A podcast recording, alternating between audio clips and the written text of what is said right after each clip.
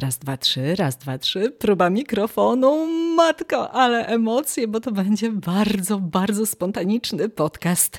Witam cię serdecznie, moja droga słuchaczko i mój drogi słuchaczu u progu nowego roku 2023. Wow! Normalnie w tym miejscu dodałabym jakieś efekty, eksplozje fajerwerków albo nie wiem, fanfary. Natomiast nie zrobię tego, ponieważ ten podcast jest totalnie sotę. Można powiedzieć, że powstaje na, niemalże na żywo, dlatego już z góry przepraszam za wszelkie przejęzyczenia, pomyłki, przepraszam też za różne dziwne odgłosy, które możesz usłyszeć, na przykład, nie wiem, budzik mojej córki, bo ona jeszcze śpi, możesz usłyszeć też przejeżdżający pociąg, bo mieszkam blisko torów lub też moich sąsiadów kochanych, których z tego miejsca serdecznie pozdrawiam. A będzie to podcast wyjątkowy, bez cięć, taki zupełnie prosto z serducha i prosto z emocji, ponieważ bardzo, bardzo chciałam jeszcze się do ciebie odezwać i poopowiadać ci trochę o baletach. No bo przecież nam się balety zbliżają, a że nie mam czasu, bo sama na ten balet się wybieram, a mam ogromną ochotę, ponieważ mówi się, że jaki Sylwester, taki cały rok, więc mam ogromną ochotę odezwać się do ciebie i odzywać się do ciebie przez cały kolejny rok. No to fru, lecimy z tym koksem i tutaj z miejsca puszczam ci taką partyzancką czołóweczkę. Okej, okay, próbuję. Który malarz podglądał tancerki przez dziurkę od klucza? Dlaczego jego baletnicę nazwano małpą? I jak dużo światła mieści się w roztańczonych spódnicach? O tym wszystkim opowiem już za moment. Nazywam się Agnieszka Kijas i jestem krytykiem sztuki, a ty słuchasz 81 odcinka podcastu z serii Dawno temu w sztuce, czyli wszystko, co chcesz wiedzieć o malarstwie, ale bez nadęcia i będzie to podcast sylwestrowy. No, przynajmniej, przynajmniej tak sobie założyłam. No to co, wyszło? Chyba tak.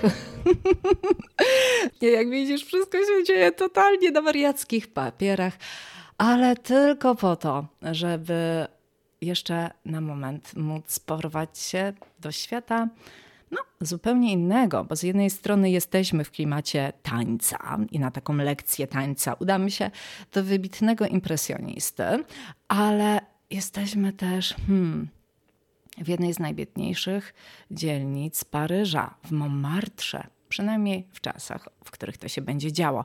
A jesteśmy w 1874 roku i chociaż najczęściej w podcaście dawno temu w sztuce te daty nie padają, to te warto zapamiętać i warto o niej powiedzieć, bo była to data, kiedy świat sztuki stanął na głowie. Ale nim do tego dojdę, opowiem Ci o bohaterze dzisiejszego spotkania. Bohater dzisiejszego spotkania malował portrety kobiet, które prały albo prasowały, a nawet czasami zdarzało się, że były nimi prostytutki. Często zatrzymywał na swoich płótnach także swoich przyjaciół, których charakteryzował na ludzi z marginesu.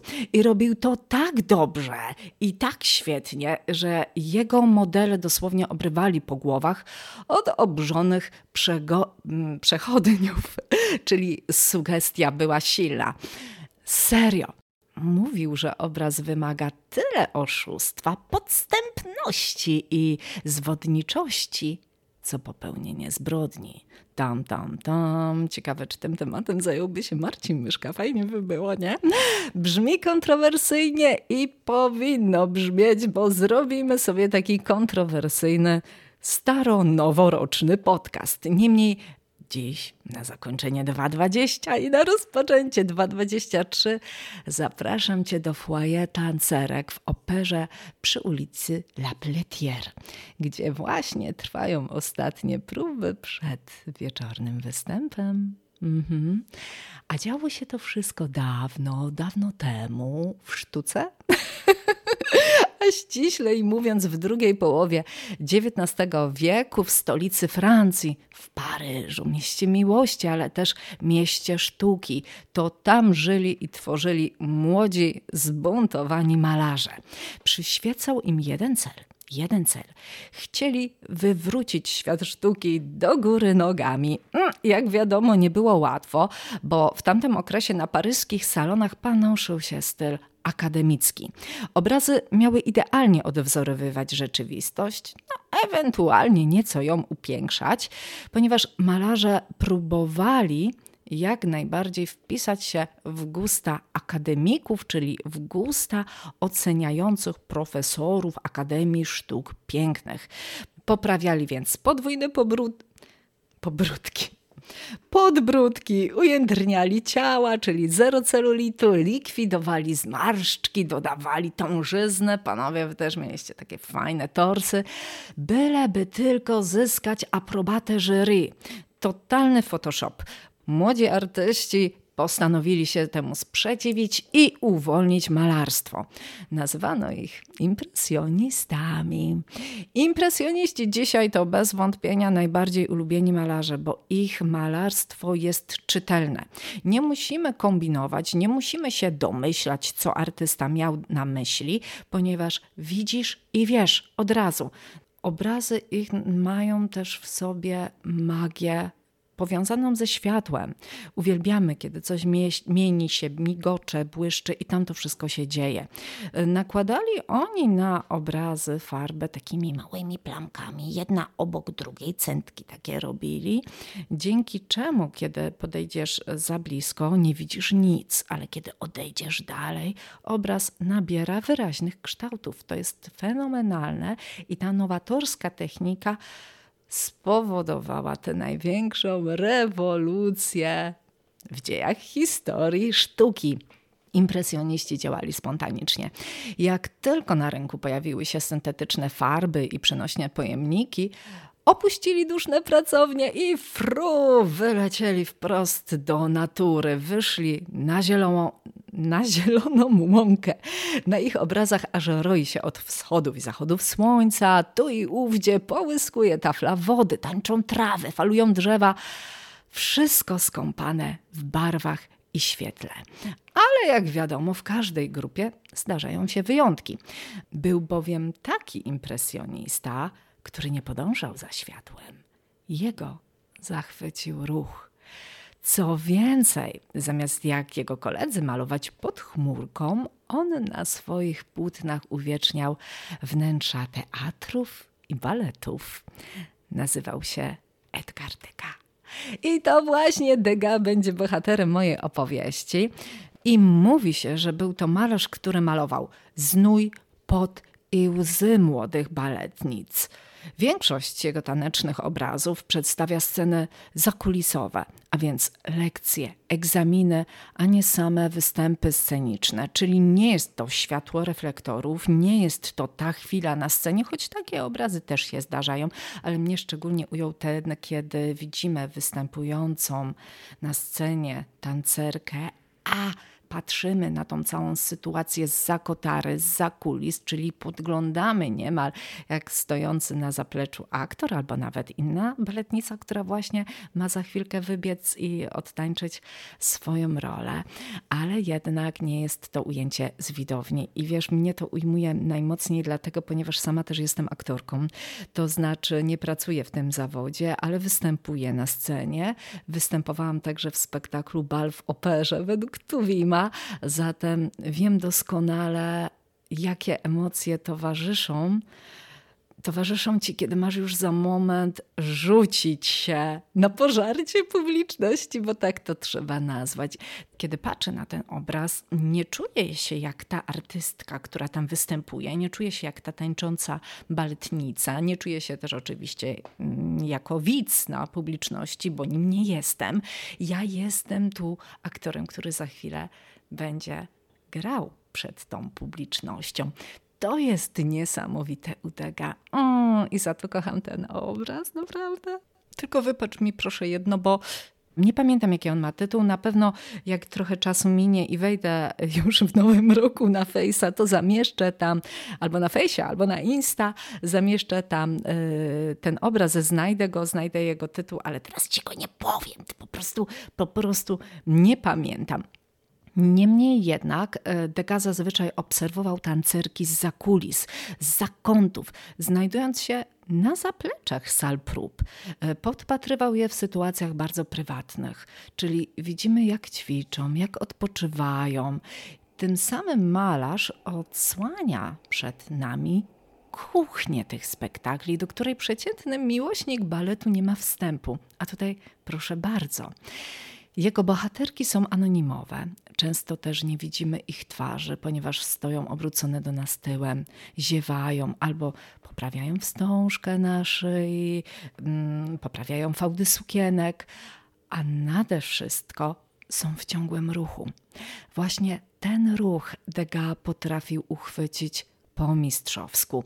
Zwykł mawiać, i tak znam to na pamięć, Nazywają mnie malarzem tancerek, nie rozumiejąc, że one są dla mnie tylko pretekstem do namalowania pięknych tkanin i oddania ruchu. Mm. Ale te piękne tancerki mają też smutną historię. I tutaj opowiem Ci o rzeźbie, którą widziałam w Muzeum Orsay, rzeźbie oryginalnej Edgara Degas. Jest ona wykonana, jak to kojarzę z brązu, nie szczelaj do mnie, jestem spontaniczna i nie zrobiłam żadnego e, researchu w tym temacie. I widzimy na niej młodą, czternastoletnią tancerkę jest ona cała z brązu, ma podniesioną do góry twarz. Jej poza dość leniwa, nie jest to taka poza mm, super ekstra baletnicowata. I ta dziewczyna miała na imię Marie. Wiem też, że The Degas wyrzeźbił ją w wosku, natomiast w Orsay ta rzeźba jest z brązu. Tak, na pewno ona jest z brązu. I teraz taka historia, że Marii była córką praczki i krawca, czyli pochodziła z nizim społecznych. To naprawdę nie było lekko. Dlatego też Marii doszukuje się, że mogła mieć relacje z Degas a, wiadomo, było to dość powszechne, że młode studentki baletu i opery znajdowały bogatych opiekunów, protektorów. E, no, wśród, wśród wyższych sfer i być może taka relacja również łączyła ją z Degas, ale nie jest to potwierdzone. To tak sobie tutaj trochę plotkujemy. Faktem jest, że te młode dziewczyny były często wykorzystywane przez zamożnych protektorów Dandesowa dla mnie po prostu jednych wielkich gnojów. No tak. I kiedy Degas wyrzeźbił tę swoją tancerkę, ja patrzę na nią zawsze mm, z ogromnym wzruszeniem, to kiedy ta rzeźba miała swoją premierę, kiedy ją zaprezentowano, a zaprezentowano ją właśnie na szóstej wystawie impresjonistów, e, zebrała ona mieszane recenzje wręcz wielu oburzyła, ponieważ uznano, że ma ona bardzo ordynarne rysy twarzy, że wygląda jak małpa. No właśnie. Mamy takie zestawienie dwóch światów, ponieważ z jednej strony widzimy piękną tancerkę, baletnicę, która stoi na scenie i tańczy dla nas jezioro Łabędzie z wielką delikatnością, czułością albo dziadka do orzechów. Normalnie bym tutaj podłożyła muzykę, nie zrobię tego, bo jesteśmy na spontanie. Po co ja ciągle o tym mówię? E, natomiast zamiast patrzeć na taką piękną baletnicę, my nagle słyszymy: Halo, to jest małpa, ma ordynarne rysy twarzy. Widzicie, jak ten świat e, sztuki i świat krytyki jak on jest rozgraniczony taką cholernie wielką barierą. Taką granicą niekiedy nie do pokonania, ale ona znajduje się y, między nami. Niestety w dalszym ciągu, czyli to, co widzisz na scenie, to jest jedno, a to, co widzisz za kulisami, to jest drugie. Na scenie najpiękniejsza wersja ciebie, ty jako baletnica, ty jako królowa. Za kulisami ty w rynsztoku, zdana na łaskę i niełaskę obleśnych typów, którzy za pieniądze kupują Twoje ciało. A ty masz 14 lat. I właśnie za to, już pomijając zupełnie te relacje, w końcu my ją podejrzewamy, ale nie mamy pewności, czy miała miejsce, więc na razie ją odstawmy. Te relacje, jaka łączyła malarza z Marii, za to należy mu się ukłon. No, może nie taki do samej ziemi, ale tak, skłonimy się przed nim, ponieważ ukazał tę hipokryzję. W głębi serca mam nadzieję, że Marii nie cierpiała przez artystę, ale wiem także, że podziwianie sztuki, a podziwianie twórcy to tak samo jak w wypadku sceny i kulis jest mm, rozdzielone tą samą granicą. To jest ta sama bariera. Niekiedy także ta sama hipokryzja. No po prostu. Pff, ale ci narobiłam na ten nowy rok, prawda? Zupełnie ten podcast nie nadaje się na podcast sylwestrowy. Hello, powinnam się ogarnąć. Zatem może na moment jeszcze zatrzymamy się przy tych wirujących, roztańczonych spódnicach. Może na ten moment przenieśmy się do tego bajkowego świata, do świata czaru i do świata magii, albo nawet skręćmy dalej do pracowni Edgara Dega, bo jak się okazuje, tam też działy się cuda, no może niekoniecznie, ale zabawne sytuacje i owszem, a do historii sztuki przeszła taka jedna, która opowiada o tym, jak to Degas zapraszał swoich przyjaciół, swoich znajomych i gości i czasami przed nimi stawał w pozycjach ze swoich obrazów. I takim sztandarowym wręcz przykładem historii y, z pracowni Edgara Degas jest tak, kiedy malarz stawał na palcach i wręcz zataczał się przedstawiając no, uniesioną nóżkę ala baletnica z jego obrazu. Tadam! W jego atelier pełno było zdjęć tancerek, ale to już nas nie powinno dziwić, bo Degas zajmował się także fotografią. I kiedy malował, korzystał ze swoich fotoreportaży, co pozwalało mu przyjąć nietypowy jak na tamte czasy sposób kadrowania, bo my przywykliśmy do zakrzywionej perspektywy, do uciętych sylwetek, przywykliśmy do ujęć z zafilara, ale wówczas to była rewolucja. Wówczas fotografia dopiero zaczynała przybierać na sile. Bywało, że Dega odtwarzał sceny, których w ogóle nie widział. Pochodził z dobrze sytuowanej rodziny, tak, pieniądz był, co też najczęściej zapewniało mu wstęp na zakulisowe pokazy. O, przyszedł mi SMS, sorry. Czyli mógł wchodzić na zakulisowe pokazy, ale niekiedy nauczyciele zamykali mu przed nosem drzwi do sali prób, tak? Malarz nie wracał wtedy do domu. On stał pod drzwiami, czekał, a po zakończonych zajęciach wchodził do pustej sali i Wyobrażał sobie, co mogło się w niej dziać. Rozmawiał też z tancerkami, prosił je o to, aby odtworzyły choreografię i na podstawie tych relacji malował swoje baletnice. Jeden z jego najsłynniejszych obrazów Ojejku, proszę, SMS-y nie przychodźcie teraz. Ja właśnie nagrywam na żywo. Dobra, wyciszam ten telefon, bo to przecież tak być nie może. W każdym razie, jeden z jego najsłynniejszych obrazów. to foyer tancerek w operze przy ulicy La Pletière, który dziś eksponowany jest właśnie w Muzeum Orsay i także miałam okazję go oglądać. Zresztą bardzo serdecznie polecam Ci wizytę w tym muzeum, bo to jest królestwo impresjonizmu i tam są zgromadzone ogromne ilości dzieł tych artystów. Zresztą Muzeum Orsay to jest dawny dworzec kolejowych. Nie wiem, czy ja o tym opowiadałam. Jeżeli nie, to koniecznie będę musiała do tego wrócić. I paradoksalnie to nie jest duży obraz. Kiedy patrzymy na jego reprodukcję w internecie, to może on nam się wydawać taki całkiem spory, a nie, to jest taki bardzo mały obrazeczek to chyba było dla mnie największym szokiem, kiedy zobaczyłam go na żywo.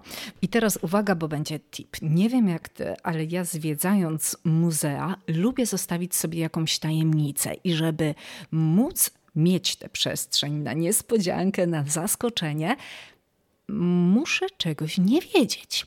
Staram się, czytając książki o malarstwie, oglądając filmy, szukając informacji w sieci, unikać jak ognia wiadomości o tym, jakie wymiary ma obraz.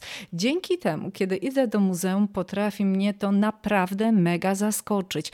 Tak jak miało to w wypadku y, tancerek z ulicy, y, z foyer przy ulicy La Pletier, chyba tak to się mówi. Ja już w sumie kilka razy wymówiłam tę nazwę, ale być może całkowicie błędnie, przyznaję się do tego. Za to proszę nie strzelać, bo my w Sylwestra nie strzelamy, ok? No dobra. Zatem, jeżeli zostawisz sobie przestrzeń na taką zagadkę, na niedopowiedzenie, może okazać się, że tancerka, która pierwotnie wydawało ci się, że będzie miała naturalne rozmiary, w rzeczywistości jest Liliputem i ma rozmiar smerfa, tudzież krasnoludka. Dlatego warto wymyślić sobie jeden element niedopowiedzenia. I ja wymyślam te elementy dla ciebie tutaj, na dawno temu w sztuce, ponieważ nie podaję ci dat, kiedy te obrazy powstawały. Mm, mam nadzieję, że to jest zauważalne, że tutaj raczej nie padają daty. No dzisiaj padła, bo ta jest ważna, e, która mówi o rozpoczęciu impresjonizmu. Natomiast najczęściej tego nie ma. Ale dzisiaj padnie też druga data, czyli 31 grudnia 2022, łamane na 1 stycznia 2023 roku. No po prostu jest cudownie. I w takim tanecznym nastroju i tanecznym kroku chciałabym zaprosić Cię w nowy rok. I mam prośbę, jedną prośbę, bo ja to zrobię na bank, nie wiem jak ty, ale byłoby mega fajnie i mega miło. A jeszcze jak szczelisz zdjęcie i mi wyślesz, to po prostu będę płakała z radości. E takie wyzwanie, żeby dzisiaj o północy albo trochę po północy stanąć w pozycji ala tancerka z obrazu Degas. Unieśmy sobie nóżkę, machnijmy sobie rękami, zróbmy jezioro łabędzie. Tam, tam, tam, tam, tararara, tam, tam, tam, tam, tam, tararara. Niech będzie, niech będzie to taki nasz artystyczny sygnał, a wszyscy znajomi i tak to będą mieli w nosie, bo pewnie każdy z nich zajęty będzie składaniem życzeń albo no, mm, będzie już dość mocno pod wpływem bąbelków z szampana. Do tej pory nie mam pojęcia, dlaczego wybrałam ten temat, żeby ci o nim opowiedzieć. Kiedy go wymyślałam w głowie, miałam wrażenie, że będzie tutaj więcej jednak takiej, takiej frywolności związanej z tymi spódnicami, z balem, z tańcem, z baletem, że wiesz, skoro tańczymy na Sylwestra, to ten taniec tutaj też się pojawi, a tu figa, kurde, tak filozoficznie wyszło, że hej, ale może to i dobrze, co? Może to i dobrze, że ten Sylwester no, rozpoczniemy mm, jak prawdziwi intelektualiści. O, tak będę to sobie tłumaczyć. A teraz wyobraź sobie, że biorę z szampana. Gdybym mogła dołączyć efekty, to na pewno one by tutaj były. I robię tak. Nie wiem, czy to wyszło. Pu.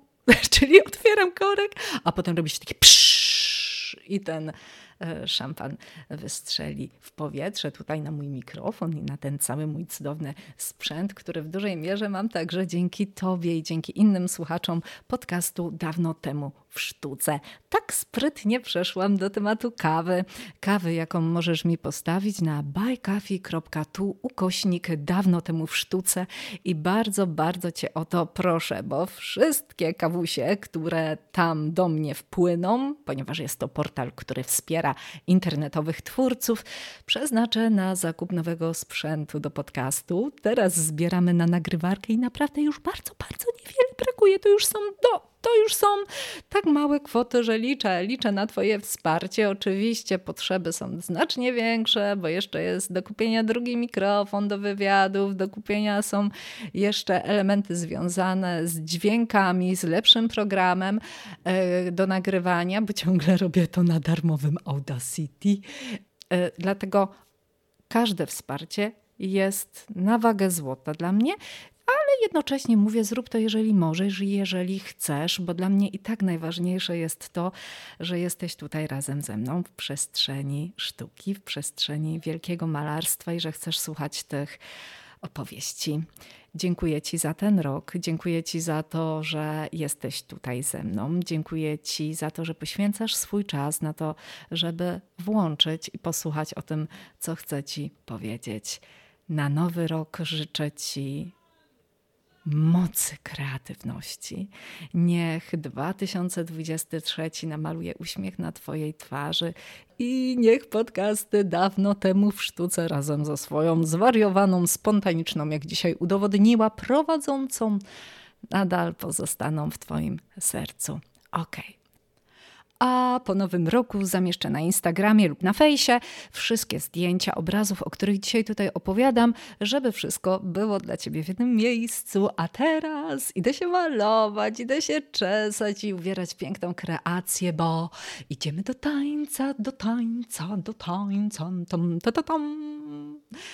Ostatni raz w tym roku mówiła dla ciebie Agnieszka Kijas krytyk z sercem do sztuki. Tam, tam, tam, tam, O, pociąg jeszcze jedzie, jedzie pociąg. Może go jeszcze na koniec usłyszysz. Tak oto wjeżdżamy w nowy rok. Daj mi tylko znać, proszę, w jakimś komentarzu, właśnie na fejsie lub na Insta lub tutaj na, na, na Spotify, jeżeli będzie, się, będzie tam chyba ankieta, jak Ci się podobało, bo chciałabym wiedzieć, czy raz na jakiś czas takie spontaniczne podcasty robić. Dobra, nie gadam tyle, nie gadam tyle, bo nie zdążę na tego Sylwestra. Miłej zabawy, buziaki i fajerwerki, puf, puf.